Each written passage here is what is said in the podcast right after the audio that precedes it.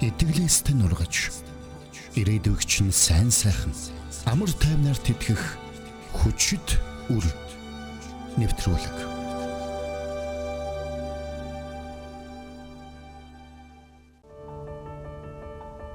Би чи хөтөлбөрийн чиглүүлэгч багш Дэлгэр маа байна. Харин би Отгон сүрэн. Амьдралыг минь өөрчилсөн үйл явдал ингэж ихэлсэн гэдэл та хэн нэгэнд ярьж өгөхийг хүсдэг үү? Бүх боломж нь хаагдсан юм шиг амьдралын хамгийн бараа өдрүүдэд таныг өлсөж байхад, цангаж байхад, халуун хоол цай бариад орон гэргүй байх чинь уурж аруулсан, өвчтөө байх чинь асарсан тэр сэтгэл дулаахан тэр үйлдэлийг та өнөөдөр ярмаар байна уу? Та хажууд байгаа хин нэгэндээ тэдгээр үйлдэлийг хуваалцахад түүгээр дамжуулан тэдний амьдралд баяр хөөр, амар тайван, итгэл найдвар төрдгийг мэдхүү. Энэ бүхнийг Бурхан сонсогч танаар дамжуулан хийх болно. Та бидэнтэй хамт энэ аялалд гарч өөрт байгаа чадвах боломжоо нээн илрүүлээрэй. Тусламж хөгжлөө.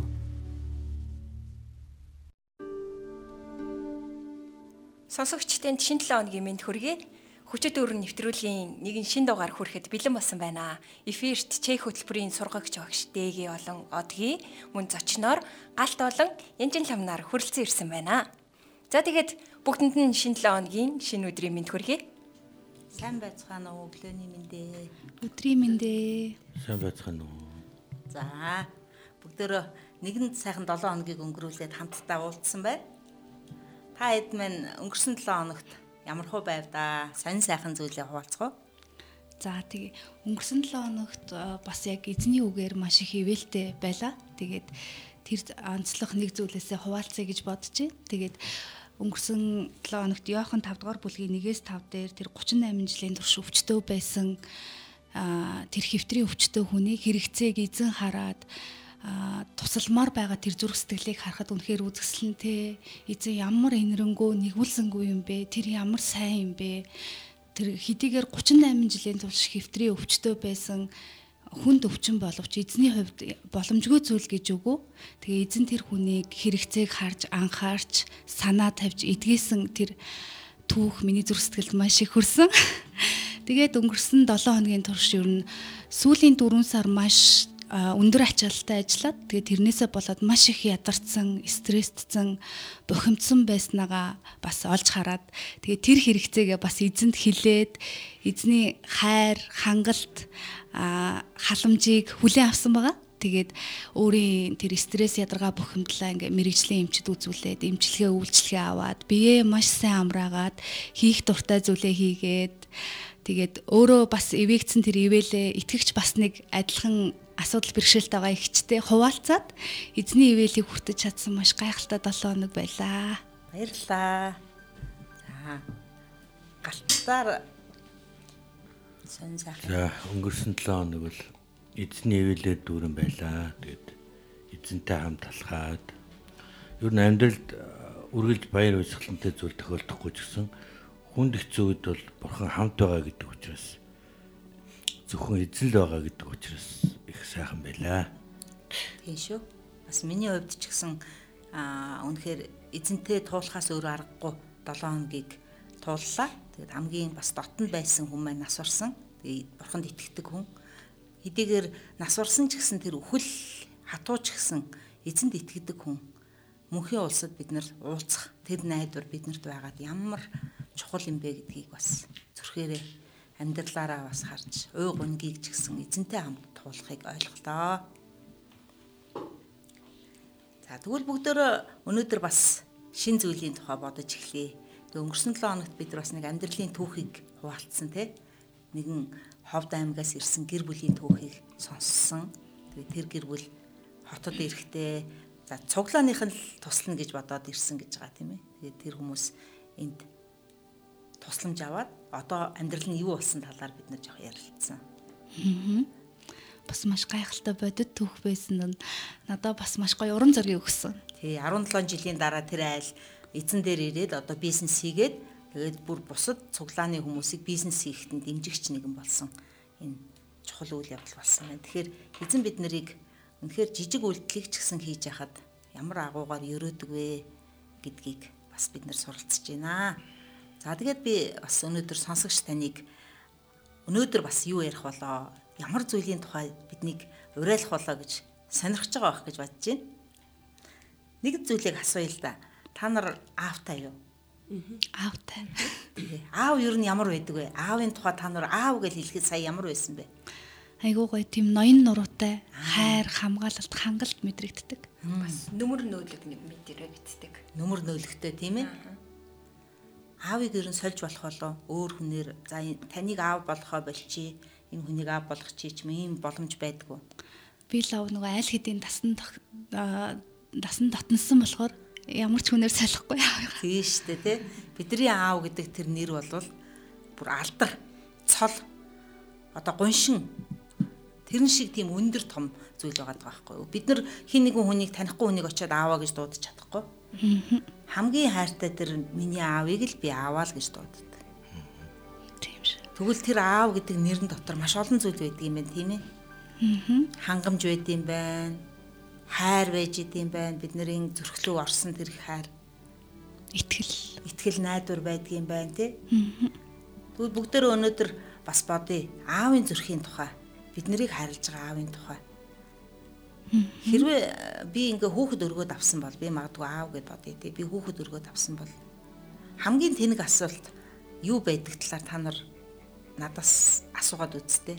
Би нэг хүүхэд өргөсөн, би өөрийн төрсөн хүүхэдтэй. Та хүүхдтэй хайртай юу, хайргүй юу гэх юм уу? Аа та хүүхдтэй хайртай юу, хайргүй юу гэж асууж болох юм байна тий. Тий. Санаа тавьдгүү, тавьдгүү юу гэл. Энд бас галтаа ааваас асууя. Та хүүхдүүдтэй хүнд нь илүү хайртай вэ? Энэ асуулт ямар хуу асуулт? Хүмүүс бол ингэдэг юм билээ. Ер нь бол хүүхдүүд ч өөрөөдөө гэж боддог. Ер нь бол би аав аав маань намайг яг ялгаж хайрладаг болоо эсвэл ингээд те яг чин сэтгэлээс хайрладаг. Би өөрөө дөрөв хүүхэдтэй л дээ. Тэгээд би бол хүүхдүүдэд хязж ялгадаг. А гэхдээ нэг багада жоохон илүү бас ам байгаадах шиг байна. Нялх а тийм нялх болохоор а гэхдээ яг хайр нийжлэхэн бүгдэнд нь л адилхан хайр бүгд нь яг ижил байх юм. Ижил тий. Тэгэхээр нэг ер нь бол амьдрал дээр хараад байгаа зарим хүмүүс нэг ингээд хүүхдүүдээ ялгаад байдаг. Ээж нэг хүүхдээ авцсан, аав нэг хүүхдээ авцсан тий. Аа. Юм шиг харагддаг. Тий, юм шиг харагддаг. Тэгж ярьдаг ер нь. Ярьдаг тий. Тий. Гэтэл яг бурхан аавын зүрх сэтгэл бол хизээч ялгалгүй өөр хүүхд тий. Ижлэхэн. Ижлэхэн хайрладаг л гэж боддог тий. Тэгээд хүүхэд өргөж авсан хүнээс асуудаг хамгийн тэнэг асуулт гинэ. Та өргөмөл хүүхэдтэй хайртай юу? Төрсөн хүүхэдтэй хайртай юу? Ижилхэн хүүхэд нь байхгүй? Тий бидстэй тий. Тэр хүн яагаад өргөж авсан гэхээр хайрлал л тий хайрлал яг ижил яг тийм зүрх сэтгэлээр хүлээж авсан учраас тэр өргөж авсан аавд бол хүүхэд нь юм шиг л хүүхэд нь шүү дээ. Ерөөсөө ямар ч юмгүй хүүхэд. Тэгвэл бурхан аав өөрийнхөө хайртай хүү Есүсийг бидний төлөө илгээгээд тэгээ биднийг бас өөрийн хүү болгож хүүхдүүд болгож авсан шүү дээ тий. Тэгэхээр энэ гэр бүл дотор бид нар гэр бүл дотор нь орсон байгааз Тийм байна. Тийм байна. Тэгвэл бүгдээрээ нэг аавын тухай түүх сонсъё. За. Хоёр хүүтэй нэг хүн байж.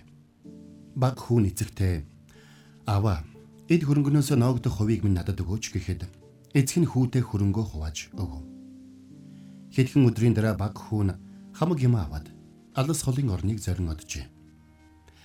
Тэнд тэр дур зоргоор амьдарч эд хөрөнгөө өрн таран хийв. Түүнийг бүх юмаа барж дуусгад тэр хүн нутагт нь ч сүрхий үлзэглэн болж тэр юм юмар гачигдж эхлэв. Тэгээд тэр явж уг нутгийн нэгэн иргэнийг бараад ахуулж мөнөөх нь гахаага хариулуулахаар түүнийг явуулдаг байлаа.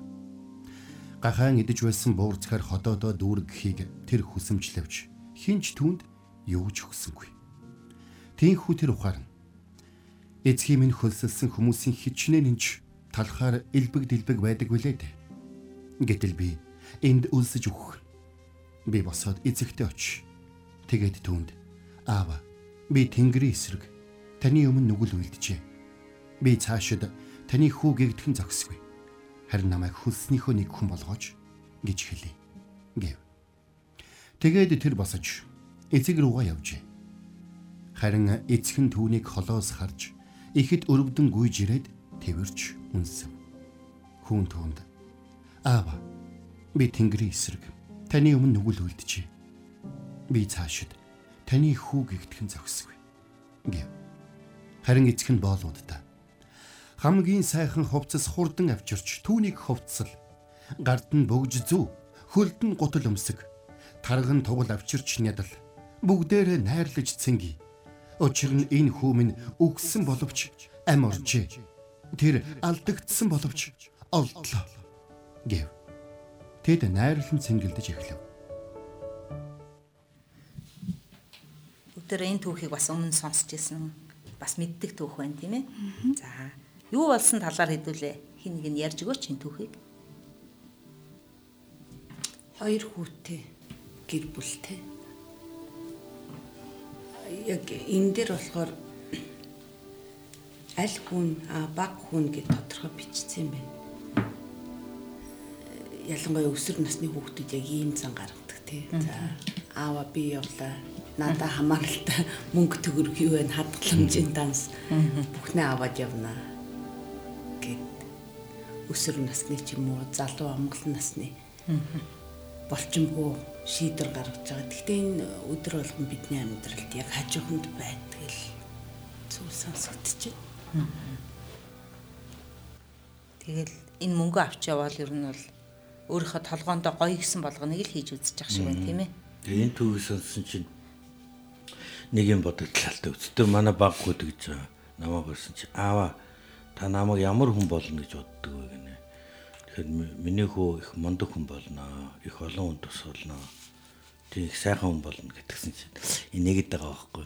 Тэр шиг энэ хүү бас гинэн цайлган те амьдрал юм үзээгүй, зовлон үзээгүй. Тэгэл мөнгө л аваад ингээл сайхан амьдрчна гэж бодож байгаа байхгүй. Тийм.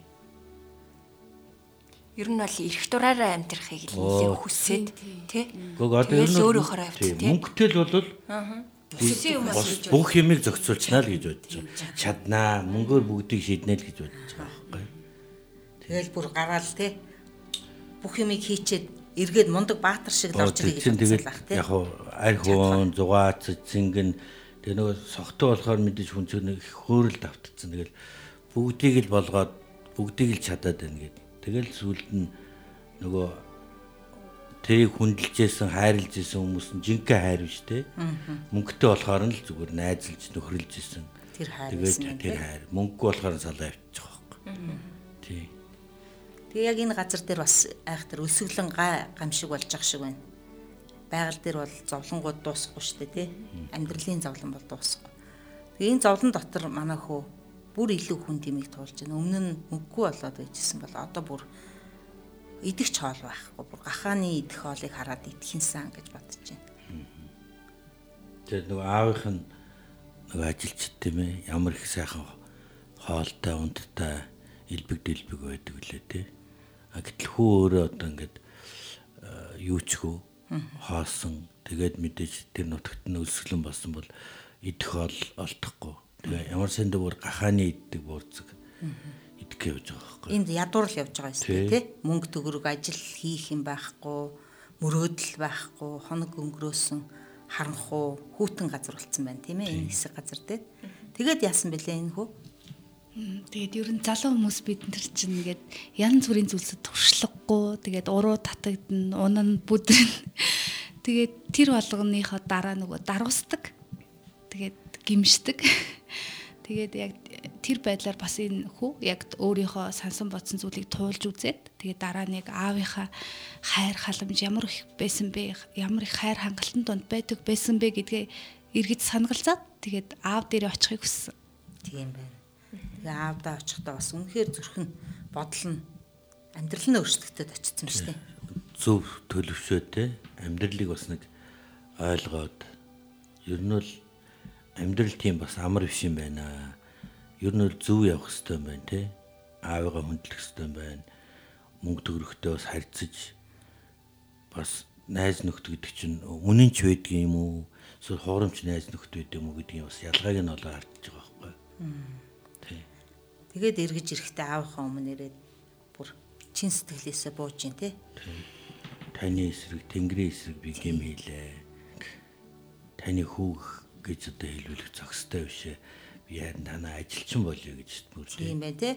Бүр хүү биш зохисгүй учраас би ажилчин чинь ч хамаагүй юу ч хамаагүй хийгээд таныг бараадаад л байжээ ял гэж штэ тий.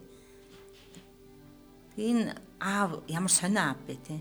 Хамаг юм авч яваад эд хөрөнгөө тастаж яваад за баяртай баяртай гэд бас гарахтаа бас овоол том гарсан баг. Тэгээ эргэж ирэхдээ бас эвгүй ирж штэ тий. Аав итгэсэн байх л та. Итгэсэн учраас л хүүдөө гэж байгаа. Хайртай учраас тий. За өөрийнх нь сонголт юм чинь. аав яг уу энд хэлсэн л дээ. Миний хувьд бол энэ хүүхэд үгсэн байсан. Тэ.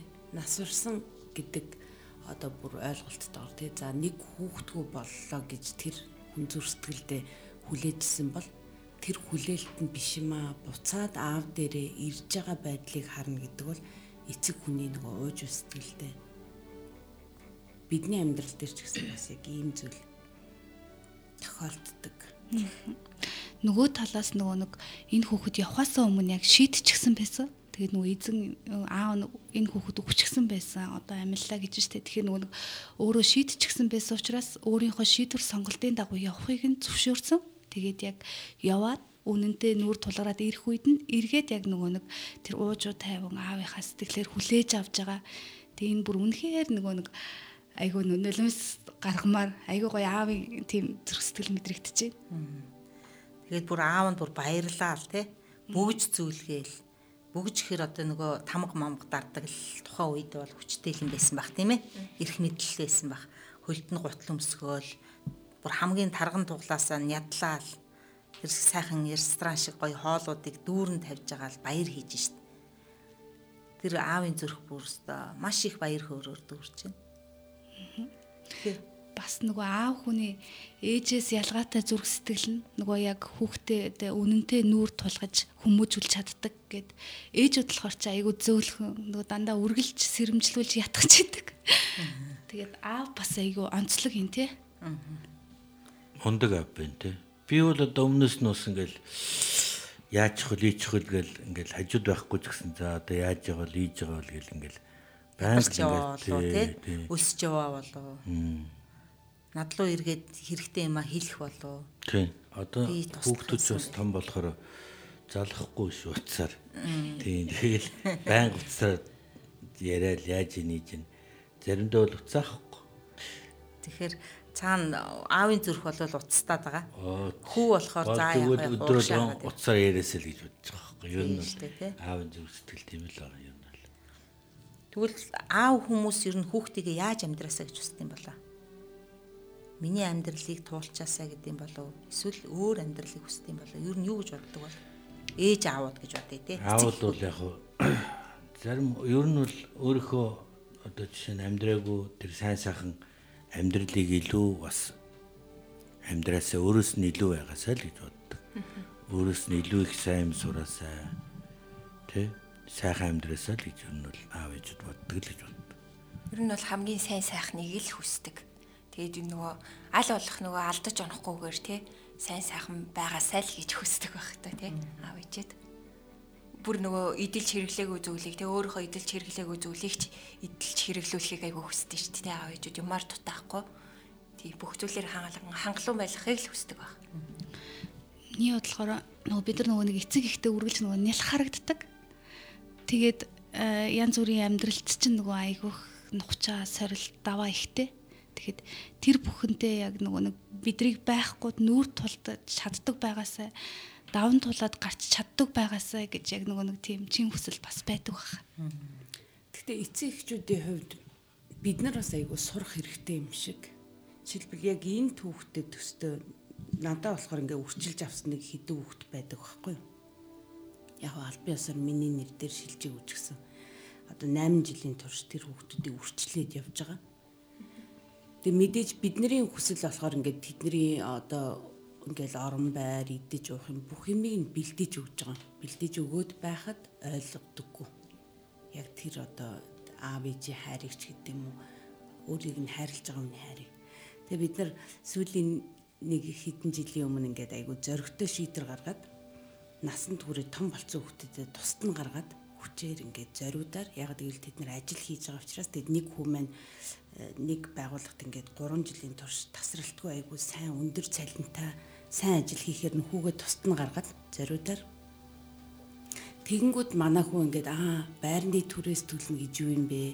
Тэ доторх ингэж хэрэгцээнүүд өөрийнхөө хэрэглээнүүдийг төлнө гэдэг чи юу юм бэ гэдгийг ойлгоод явж исэн. Тэгээд э, нэг хэсэг бас ингээд нөгөө өөрийг нь зориудаар тусад нь гаргаад биеийн даалгацсан учраас жоохон биднэрт ингээд гомдох сэтгэл байсан юм шиг байгаа. Тэгээ харин сая цэрэг татлагаар хүн маань нас нь болсон учраас дуудагдаад цэргийн зарлын ирээд сая ингээд цэрэгт явж байгаа байхгүй их орноо хамгаалахаар. Тэгээ буцаад уцтаад юу гэж байгааг л анаа амар их хайртай шүү бүх юм тусалж исэн баярлалаа гэд ингээд бид нар бас хүүхдүүдийн мэдээж бүх хүмүүс сайн сайхан амьдраасаа гэж хүсдэг боловч хүн ингээд ухаарж төлөвшөж те юмыг ойлгох хэрэгтэй учраас заримдаа бид нар зориудаар хүүхдүүдэд биеийн даалгуулахгүй юм бол бүх юм хангалуун байх тусам жаргалдаа ташуурдаг штэ. Ямар ч хүмүүс. Тэгэхээр энэ аав бол айгүй тийм төвчээрийг гаргаж чадсан байгаа байхгүй юу? А би бас ингээд нөө мэдээж надад өвдөлттэй байсан хүүхдээ ингээд тусад нь гаргахад а тэгтээ за мэдээж тооцоолж штэ за энэ хүүхд ажил хийж байгаа өөрийгөө аваа явах боломжтой гэсэн учраас гаргаа явуулсан чинь сурсан байгааг ингээ олж хараад бас ингээд аа заримдаа эцэг эхчүүд бид нар бас хүүхдүүдийгээ биеийн даалгах тал дээр айгу бодож явахгүй бол бүх юмыг нь бөмбөрүүлж жаргалт нь ташууруулах тийм ухаан муутай эцэг их баймаргүй байна гэдэг бас сураад явж байна да. Тэгвэл чинь бол ингээд яг мэрэгэн ухаантай аавлаа байхгүй юу? Ер нь бол тий.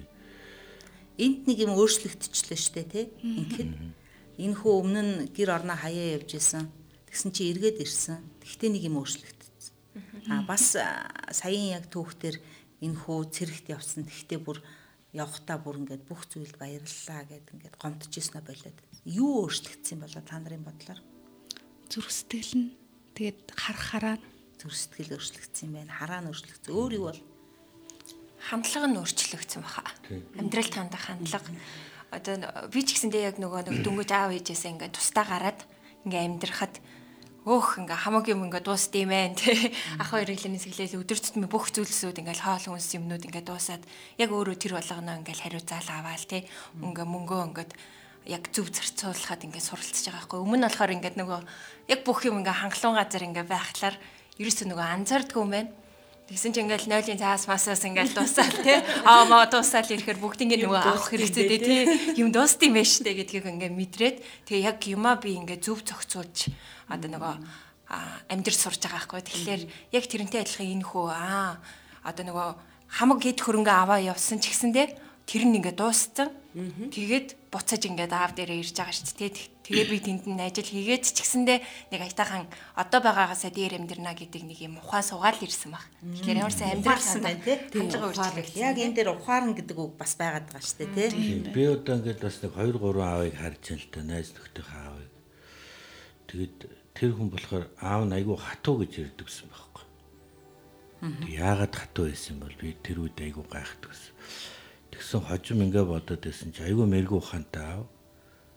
Тэр хүүхдүүд хэдий тэгээд нэг дөнгөж ингээ сургууль төгсөөд ингээд аав ерөөсөө намайг ажил хий гэж जैन аав намайг ингээд ерөөс над мөнгө өгдөггүй бэлэн юм өгдөггүй те айгүй хатуу өөрийн ингээд айгүй чанд хатуу байсан учраас айгүй аавда дургу байсан. А гэтэл нөгөө хүмүүс чинь одоо ингээд өнгөрсөн амьдралыг харахаар одоо айгу мундаг яваад байгаа байхгүй. Аав тэр үед яг хангаагүй сургуулийн төгсгөөл за одоо ажиллаа хий. За чи дээд сургуультай сураа. Тэгэхээр энэ дээр хүүхд болохоор нөгөө нэг сурж исэн ч гэсэн бас илүү нөгөө мөнгө авах гээд шүү дээ. Тийм байна, тийм ээ. Хангамж авах гээд шүү дээ. Хичлэг сэтгэл гээ. Тийм. Тэгэхэд тэр аауд бол мундаг байсан байна гэж одоо би хардаг байхгүй. Тэгвэл энэ хүүхдийн амьдрал нэг юм бүр ингээд бүтнээр нь өөрчлөлт гарах хүч болж байна тийм ээ. Тэр бол юу байсан гинөө? Ухааран ойлгох байсан байх тийм. Ухаарл. Ухаарл байсан. Тэгвэл хүний аавууд ингэж их хүүхдэд хайрладаг юм бол хүний аавууд хүүхдэд хайрлан халахалж хамгаалдаг юм бол бидний бурхан аав хэр зэрэг хайрладаг болоо бид нарыг та нарын зүрх сэтгэл дотор бурхан аавын хайр ямар юм шиг мэдрэгдэж байна. Тэгээд надаа энэ нөгөө нэг түүхийг сонсож эхлэхээс бүр ингээ нэг сэтгэл амар огшоод бүр ингээ нэг аавын хайрыг бодохоор айгүй нэг тийм амар сэтгэл хөдлөө нэг уйлж байж юм шиг болоод байна шүү. Ер нь бас нэг юм үг өгдөө штэ. Ир хүн үз тэ үзэж мэдгэж. Тэгэхээр тэр заавал ингээд нөгөө Эрсдэл туулах нь шүү. эрсдэл туулах нь ямар ч байсан тий. Тэгвэл таныг ингээ маш их хайрладаг аав байвал та эрсдэл туулахаас айх уу? Ямар нэгэн хүнд зүйлүүдийг туулсан ч таны хажууд байж ах тэр бурхан аавын хайр ба. ямар ч эрсдлийг даван туулна гэсэн сэтгэл байгаа. Ягаад гэвэл хажууд аав минь байгаа. Минь байгаа, Төшж тий. байгаа тий. Мэдээж ингээ хүүхд төлд орохдоо хүртэл ингээл нэлээд бүдэрчээж босч гүдэг штэ. Тий. Шууд ингээл гүүгээл ингээл хилд ороод ингээл явдаг. Явдаггүй штэ, Тий. Яг тэрнтэй адилхан. Алдаа оноо дотор Алдаа оноо дотор. боссоор л байдаг тийм ээ. Гэхдээ тэр хүн ингээл нэг үргэлж хилээд байвал хүн чинь нэг бас нэг залхаад те хүлээж авдаг. Гэтэл ингээд өөрөө унж усаад нөгөө аавын мань хэлсэн үг ингээд бодогдоод те ер нь бол ингээд ухаарж эхэлж байгаа нэг үнэхээр амьдралыг ингээд туулах тусмаа өөрөө амьдралыг ингээд ухаарад ойлгож эхэлж байгаа хэрэг. Харин тий. Тэгээд нөгөө бурхан аавын зүрх сэтгэл гэхэлэр зүгээр төсөөлшгүүлэн л та. Бүр яг ийм тийм гээд нөгөө нэг ингээ хэлэх хэлэхэд бол хэцүү байна. Тэгтэл алтаж явсан ч те хичнээн ингээ гомдоогоод те ингээ явсан ч гэсэндээ буцаад ирэхэд тэр тэрвэрч аваад ингээ хайрлаад найр хийгээд те бүр ингээ хөө маа нэрлээ гэд ингээ баярлж байгаа тэр хайрлж байгаа тэр зүрх сэтгэл нь зүгээр үнэхээр агуул байна. Тэгэхээр бид нарыг ямар ч үед ингээ бурхан аав тэгж хүлээж авдаг те хайрладаг гэдгийг ингээ бодохоор үнэхээр сайхан санагдчихэв. Тэгэхээр энэ харилцаан дотор нэг юм гоё аюулгүй гэдэг харилцаа яваад байна тийм ээ. Би ямар ч алдаа оноо эрсдэл туулсан бурхан аав надыг өөрийнхөө амралтын дотор аюулгүй хамгаалтын дотор хүлээж идэг юм аа, халахалж идэг юм аа, хамгаалж идэг юм аа гэдэг зүйл байна. Нөгөөх нь нэг баяр хөөр орж ирж байна да. Тэ аав дээр очисон чинь л пөөх өстө найр майр зөндөө юм болоо те. Алдаа оноотой ч гэсэн тэр чин айгаал очиж байгаа шүү дээ. Би яах вэ гэхэд бурхан аавын зүрх сэтгэл бид нарыг баяр хөөрийн хайраар хамгаалж идэм байна. Тэгээ бид нар тэр гэртээ очиж байгаа болохоор та ер нь хол явж байгаад гэртээ ирэхээр ямар хөө байдаг вэ? Өөрийнхөө гэрт очиход Гоё шүү дээ. Айгуу гоё мэдрэмж. Хөл өнгөрөөл явчихдаг шүү дээ. Өнөр мөнөр хүртэл гоё шүү дээ. тийм шүү дээ. Бүрстэ өөрийнхоороо байна шүү дээ. Хөвцсөн ч боссон ч өөрийнхоороо тав тухтай. Бүр өөр юмсэг байна тийм ээ. Тэгэхээр бурхан аавын одоо оршихуу бид нарыг хамгаалж халахалж байгаа учраас бид нар маш сайхан тав тухтай хүсснээрээ зүр сэтгэл маань ингээд 50 дотор байх боломжтой байх нь.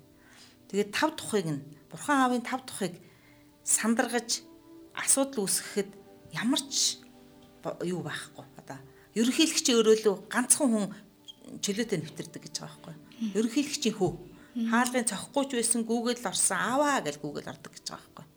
Тэрэн шиг бид нар бол аваа гэж гүүгэл орно шүү дээ тий түүний тав тухыг бодохгүй тэр уурлах болов уу гэж бодохгүй тий ажилтаа болов. ажилтаа болоо завгүй болоо гэж бодохгүй ааваа гэж гүгээд байна. Тэгээ энэ дотор үнэхээр бурхны өгсөн хаанчлалын алдар, хаанчлалын бүх бэлгүүд, бүх өв залгамжллууд, бүх зүйлс бидэнд өгөгдсөн байгаа юм байна. Тэгээ би таныг бурхан аавын зүрх сэтгэл рүү тавтаа морил гэж хэлмээр байна. Үнэхээр таны зүрх өргөмөл хүүгийн зүрх шиг байгаа бол ямар нэгэн алдаа дутагдал дотроо эзэн лүү ирэхэд хэцүү байгаа бол ямар нэгэн эрсдлийг туулаад зовлонг туулаад хаашаа очих уу гэж бодож байгаа бол эзний амралтын дотор түүний буулга нь хөнгөө учраас амралтын дотор нь орж ирээрээ зүрхээ тайвшруулаарай үгэн дотор нь аз жаргалыг мэдрээрэй гэж би бас урамшуулмаар байна. Та нарт ямар бодогч байна Йоо зүрх сэтгэлээ гоё хүлээн авч байна. Ер нь зүгээр айгуу э, сайхан мэдрэмжийг л зүгээр авч яана л та. Яг тэр энэ хүүгийн оронд хэрэг би байсан бол намайг тэгээд ингээ ухтаж аваад заримдаа бид нэр тэгдэж штэ нөгөө алдаа гаргачаал яна одоо аав ээж даалаасаа ингээл нөгөө ярьдэн штэ тий одоо би өстө ингэх байх та гэд өөрөө нөгөө алдаагаа ухамсарлцсан тэрийг ингээ ойлгоод байгаа тэгэл яна аав ээж одоо яг ингэндэ гэл тэгж яхад ямарсан ингээ нөгөө ойлгоод хайрлаад ингээ хүлээж авдیں штэ яг тэр ингээ мэдрэмж бүр ингээд шууд ингээл нөлөөс урсаал тий. Тэр наваг ингээл тврээд авсан бол би бүр өстө асгартлаа ингээ ойлж байгаах. Тэгэхээр бүр тийм гоё ингээ хайраар ингээ бурхан эцэг ч гэсэндээ бид нарыг ингээд үргэлж хайрцаарэ гэдгийг ингээ мэдрэх бүр сайхан санагдчихэв. Энэ хүүгийн энэ хүүгийн бас нэг зүйл нь нөгөө одоо хүний хүртэж болох хамгийн гайхалтай зүйл бол нөгөө хайрлагдана, уучлагдана, тий хамгаалагдана гэдэг маш үнцэнтэй бүр юугаарч ингээд орлуулж солигдох, сольж боломгүй. Тэгээ тэр зүйлийг хүлээж авч байгаа. Тэгээд нөгөө жинхэнэ эд баялаг нь нөгөө эд хөрөнгө биш. Яг тэр нэг аавын тэр зүрх сэтгэл, хайр, халамж, хангалт тэрийг нэг нэг ойлгож авахарснууд ингээд маш гоё санагдчих. Миний хувьд болохоор яг миний төрүүлсэн аав маань болохоор айгүй сайн хүн байсан. Бүр үнэхээр хүний сор гэж хэлмээр.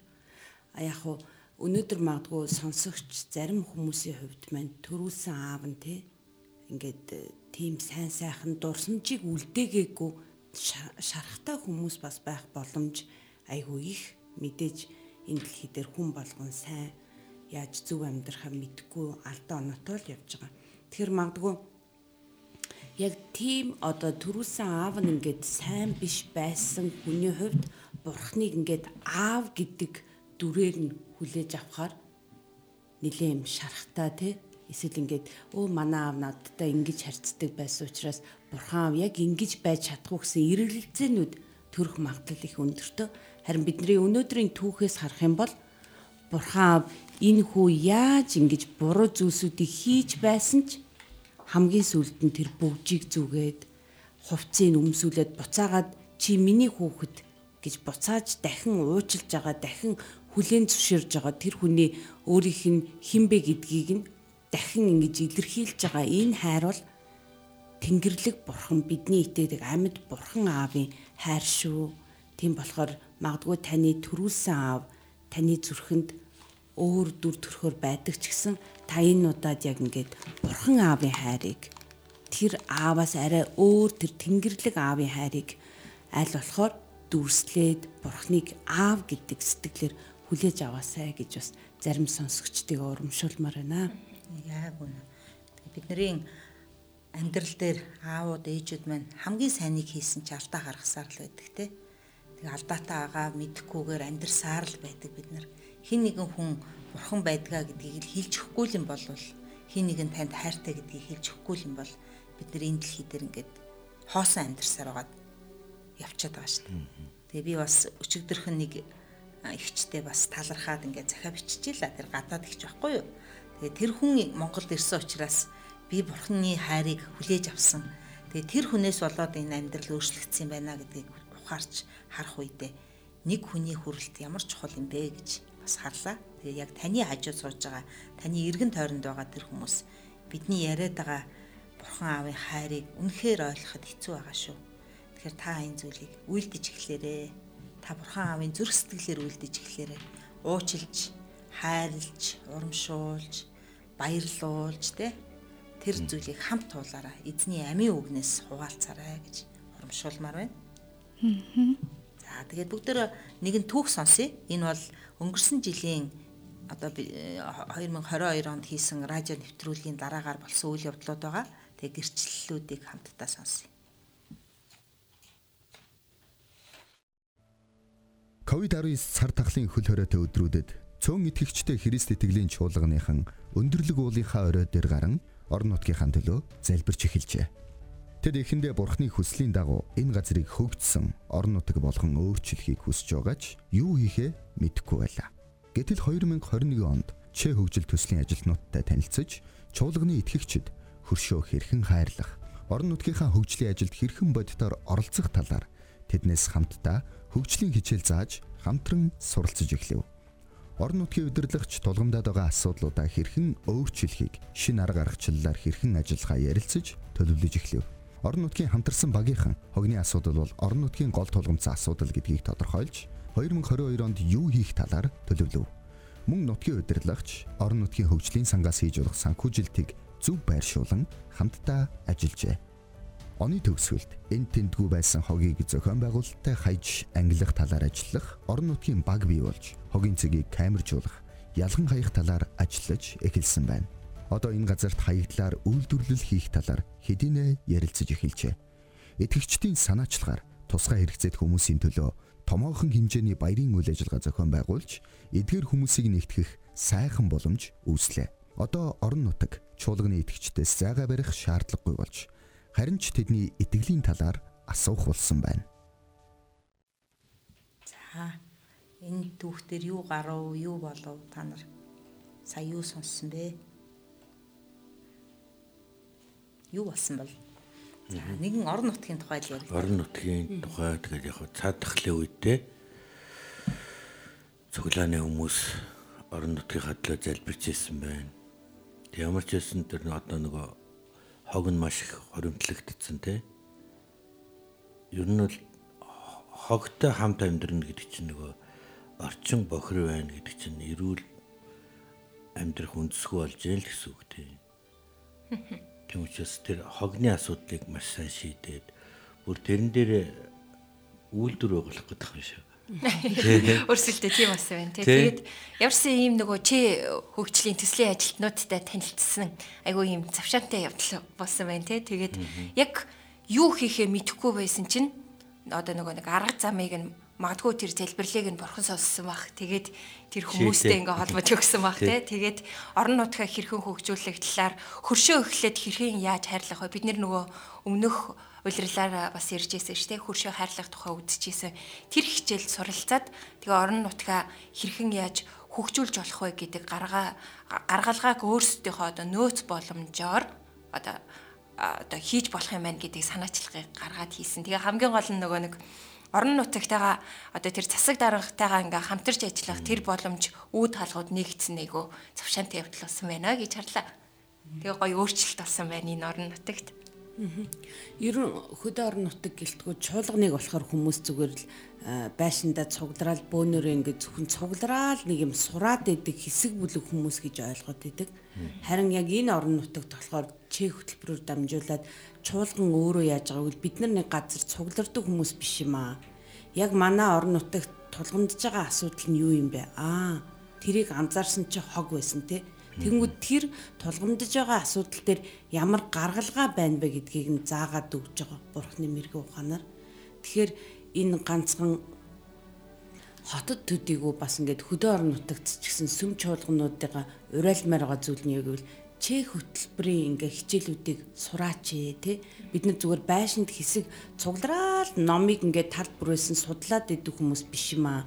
Бид нар амьдрал дээр гараад үйлдэх аргачлал тэр судалсан бурхны амьд үгийг хөрсөн дээрээ аваачаад өөр өөрийнхөө онцлогт тааруулаад яаж үйлдэж болох вэ гэдгийг аргыг заадаг ийм хөтөлбөр байгаа шүү.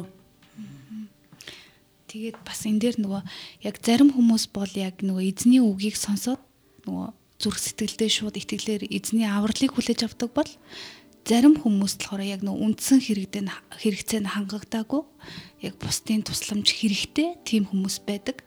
Тэгээд тийм хүмүүс болохоор бид нар өөрсдөө нөгөө ерөөлийн сувг болж хурч нөгөө гэрэл давс болж очиж байгаа. Тэг энэ түүх бас гоё урам зориг өгч байна. Тэгэхээр энэ хогны асуудал дээр чуулган ажилласан гинэ. Тэгэхээр энэ хог ер нь хэр зэрэг удаан байсан хог бол ер нь энэ асуудал хэр зэрэг удаж исэн бол ер нь бол удаад байгаа анзаараагүй байсан болохоос шинж баг тэгэл хүн болгоны ам ярьж исэн байж магадгүй шүү дээ. Тий хүн болгоны ам яриад л идэг хогон замбраагүй хийсээл нэг газар бөөгнүүлээл тавьчихдаг нөгөөх нь хийсээл хот дотор бужигнаад идэг. Тэгэхээр энд нэг өөр нэг зүйл ороод ирлээ те манай итгэлийн одоо цуглааны хүмүүс орон нутгатаа ярьснаас болоод цуглаан бол их мөнгө гаргаагүй шүү дээ тэнд ерөөсөө өөрсдөөсөө. А гэтэл энд цуглааныхан орон нутгийн хүмүүст хичээл зааж эхэлсэн байгаа байхгүй. Тэгсэн чил бүгдөө нийлээл өө тий тий тий хог хог хог гэл хогны асуудал чинь өстө дийлдэхгүй байгаа манай гэрч хог танаа гэрч хог гудамж хог бүх газар хог яах вэ яах вэ яах вэ гэл тий Тэгээ хамгийн гол нь олон нийтийн өдрөл орон нутгийн өдөрлгүүд нь бас дэмжсэн хүлээж тий. Одоо мэдээ тэдний гол гол нөгөө толгойг нэг өвтгчээс асуудал. өвтгж байгаа гол асуудыг л Тэдний ашиг байгаа болов орон нутгийн удирдлагт ашигтай юу энэ шийдэл? Ашигтай. Ашигтай шүү дээ. Ажилдаа хийсэн хогоо шийдсэн тий. А нөгөө талаараа орон нутгийн иргэдэд ашигтай юу? ашигтай. Ашигтай. Тэгэхээр бүгд нэг нэг гэж ялдсан байгаа биз? Бүх хүмүүс Одоо бол яг нэг энэ хогны асуудлыг орон нутгийг шийдэх хэрэгтэй. гээд орчиод байгаа. Тий. А нэгвэл нөгөөдөл нь одоо бол эсрэгээр ярьж байгаа шүү дээ.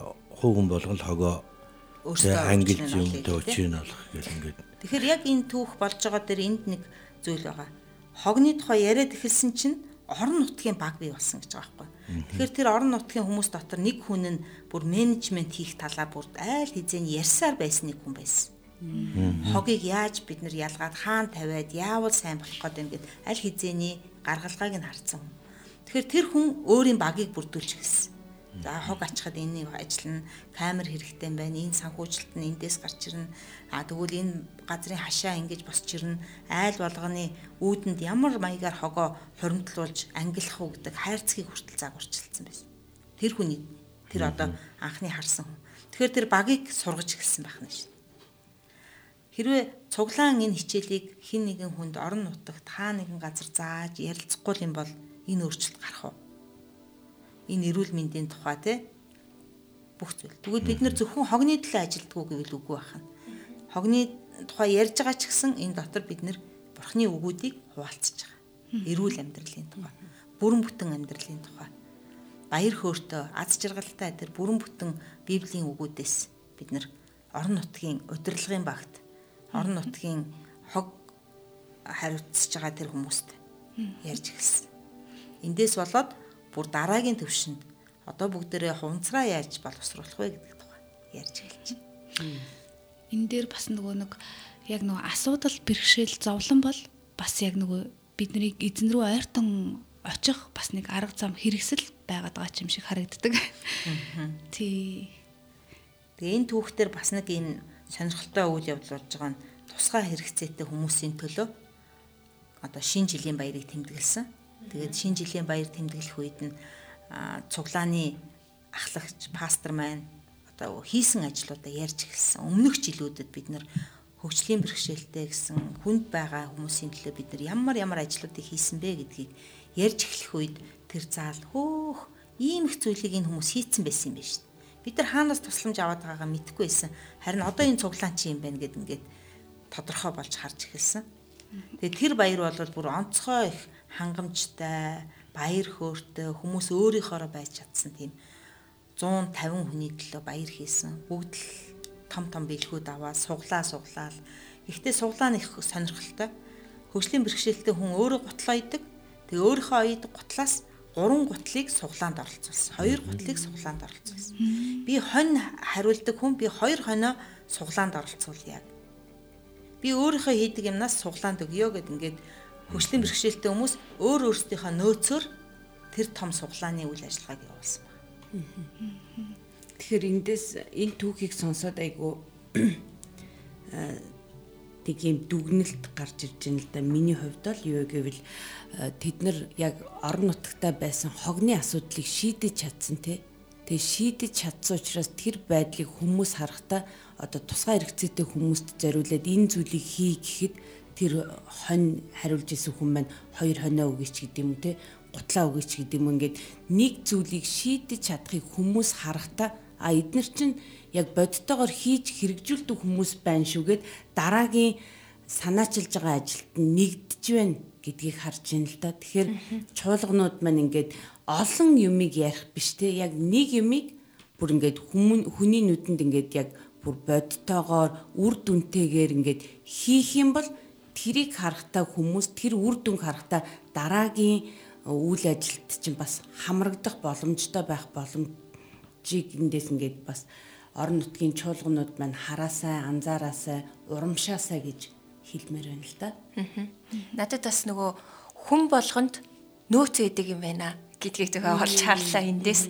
Хүмүүс нөгөө хүссээ те одоо би чадахгүй за энэ асуулыг тэр шийднэ гэж ингээ орхилгүйгээр хамтдаа нэгдээд өө биднэрт ямар их хүч нөөц болцоо байна вэ гэдгээ олж харж чадсан байна гэдгийг энэ түүхээс бас харлаа. Тэгээ яг нөгөө хийгээд те тэгэхээр бүгд бие бинийгээ хайрлаад газар орон нутгаа хайрлаад тэгээ түүний хөдлөө юм хийж чаддаг гэдгийг энэ цуглаан бас энэ орон нутаг харуулсан юм байна гэдгийг олж харлаа. Бас нөгөө чек хөтөлбөрийнхэн маань нөгөө эзнээс сонссон тэр үгийнхээ дагуу одоо яг бодтой үйлс гаргаж хэрэгжүүлж нөгөө хэрэгцээтэй хүмүүст нь эзний тэр хангалт хайр ивэл болж очоод яг тэр нөгөө эзний бичигдсэн үгийг яг ингээд үйлс болгож Тэ хөгжил болгож гарч ирсэн нь бас маш гайхалтай юм тий. Тийм байна. Тэгээд үнэхээр бидний зүрхэнд асч идэг тэр зүйл бол бурхны зүрхийг бид нар энэ дэлхий дээр ойлгуулахыг хүсдэг. Таны зүрхэнд байгаа тэр баяр хөөргийг, таны зүрхэнд байгаа амар тайвныг орон нутагта бүтэн өөрчлөлт гараасаа гэж хүсдэг. Бид нар заавал яагаад ядуу байх ёстой юм? Бид нар яагаад заавал бохир байх ёстой юм, тийм ээ? Бид нар яагаад заавал өвдөх юм? Энэ болгоныг бид нар хамтдаа орон нутгийнхаа хүмүүстэй чуулганаараа хийснээрээ өөрчлөлтийг өгнө. Тэгэхээр бид нар энэ газар нутгийн эзэн нь болох зүгээр нэг өргөмөл хүүхэд за яг хөө миний аавч одоо хин чин яахын те би энэ гэр бүлийн гэрийн эзэн гэрийн одоо өв залгамжлагч нь биш юм шиг тийм зүрх байх уу? А эсвэл би үнэхээр энэ аавын хөө, би энэ газар нутгийн эзэн, би энэ өөрчлөлтийг бүтнээр нь хийх эзэн гэдэг зүрхийг өвлөж авах уу? Тэгээ бүгдөө бурхан аавын зүрхэн дотор байдаггүй. Тэр буруутгал тий буруутгал бидний зүрхэнд байдаггүй шүү дээ. Сэтгэл готрал, айдас ичгүүр, бузар муу зүйлс бурхан аавын зүрхэнд байдаггүй. Харин бид нар гэртээ байхад бурхан аавын зүрх сэтгэлээр орон нутагта хандаж эхлэхэд энд баяр хөөр, хайр, нэгүсэл, урам зориг илүү өндөрлөгийг хөгжүүлэх төр сонирхлууд бүр илүү сайн зүйлийг хийх. Энэ зүйлийг бид нар өвлж авах юм аа. Тэгээд орон нутгийн хөгжлийн төлөө хүн болгоныг таны хөршийн төлөө үйлдээсэ гэж би бас хүсэж байна. Манай багийнхан ч гэсэн хүсэж байна. Хэрвээ танд тусламж хэрэгтэй бол бид нар танд хичээл заахаар очих боломжтой бодол солигдвол амьдрал солигдож байгааг та бас харлаа. Тий. За тэгээд а нэвтрүүлгийн минь нэвтрүүлгийн маань цаг дуусах төгсөн байна тий. Улаанбаатар хотод 10 цаг 51 минут болж байна. Тэгээ манай нэвтрүүлгийг бас а сонсож байгаа сонсогчд маань бас яг нөгөө төрсөн үгийн түүхийг сонсоод бас зарим нэг сэтгэгдлүүд битсэн байна. Хичнээн хэцүү байсан ч ажил ажил хий гэсэн үгээ юу ч тгээс эхэлдэг гэдгийг ухаараарай хүмүүсээ гэсэн байна. Бас нэг хүн маань мөхөс би Библийн энэ түүхэнд бичигдсэн шиг баян аав бишээ. Ер нь сайн аав биш ч биш нь хинт ч тодорхой. Харин намайг хайрладаг сайн аавд таалагдсан сонгогдсон нэг юм билээ. Харин миний махан биеийн аавч надаас илүү сайн аав байсан гэж бодогдлоо. Тэгээ би авралыг авсандаа айгүйх баяртай байна гэж битсэн байна. Тэгээ бас нэг сонсогч маань маш чухал сургалт байдаг шүү. Дэгийн зөвлөгч юмч багштай маш их талархдаг шүү гэд сэтгэгдлүүд хуваалцсан байна. Тэгээ хүчит өөр нэвтрүүлэгтэй хамтаагаар сонсогч танд баярлалаа. За тэгээд нэвтрүүлгийн цаг дуусахаас өмнө багш маань гоё хэрэгжүүлэлтийг бид нарт бас өгдөг тийм байна. Тэгэхээр бүгдөө яг өнөөдөр таны зүр сэтгэлд хамгийн ойр харагдаж байгаа хин нэгэн байгаа бол та цаасан дээр дэвтэр дээр бичээд нэрийг бичээд тэр хүний төлөө залбирч эхлээрээ тэгээ уншсан библийн үгүүдээсээ урам зориг аваад юу хийх вэ? Юуг үйлдэх вэ? Би юуг хийвэл энэ газар дээр өөрчлөлт хийх гэж байгаа вэ гэж ариун сүнсээр удирдуулж алхаж эхлээрээ нэг хүний ам аврахад маш олон хүмүүсийн амьдрал өөрчлөгддөг гэдгийг бидний түүхээр та нар сонссоор л байгаа. Тэгэхээр та нэг хүний төлөө очоорой гэж би таныг урамшуулж. Тэрийг та заавал бичээд хийж байгаа үйлдэлүүдээрээ дасгалжсаар байгаарай. За тэгээд нэвтрүүлгээ өндөрлөхөөс өмнө хамтдаа бас сайхан ураагаа хилдэг шүү дээ тий. Тэгээд энэ цагт хамтдаа сайхан нэвтрүүлгийн хаан тонхгыг ихлээ сонсъё тий. Би Ерөөлийн сууг байхаар сонгогдсон амьд бурхны хүүхэд. Би Есүсийн үлсийг үргэлжлүүлэгч нэг. Би ариун сүнсний тусламжтайгаар урагцаа нөгөх хүч үр. За хамтдаа сайхан ураагаа хэлээ сонсогч таас дагаад хэлээрэй. Би ерөөлийн сууг байхаар сонгогдсон амьд бурхны хүүхэд. Би Есүсийн үлсийг үргэлжлүүлэгч нэгэн. Би ариун сүнсний тусламжтайгаар урагцаа өгөх хүчит үр. Амен. Энд хүрээд хүчит үр нэвтрүүлгийн өнөөдрийн дугаар өндөрлөж байна. Бурхан аавын зүрх сэтгэлийг бид нэр өнөөдөр ойлгох талаар суралцлаа. Тэгээ эх 7 хоногт шин дугаартаагаар шин сэдвтэйгээр эргээ уулзцгаая. Мегмар гараг бүрийн 10 цагаас хүчит үр нэвтрүүлэг хурж ахалнаа. Амьдралын тань хөрснөөс аз жаргал амар тайвныг ургуулах шидтэй хүчит үр нэвтрүүлгийг өсвөрийн дуудлага төрийн бус байгууллагатай хамтран бэлтгэлээ.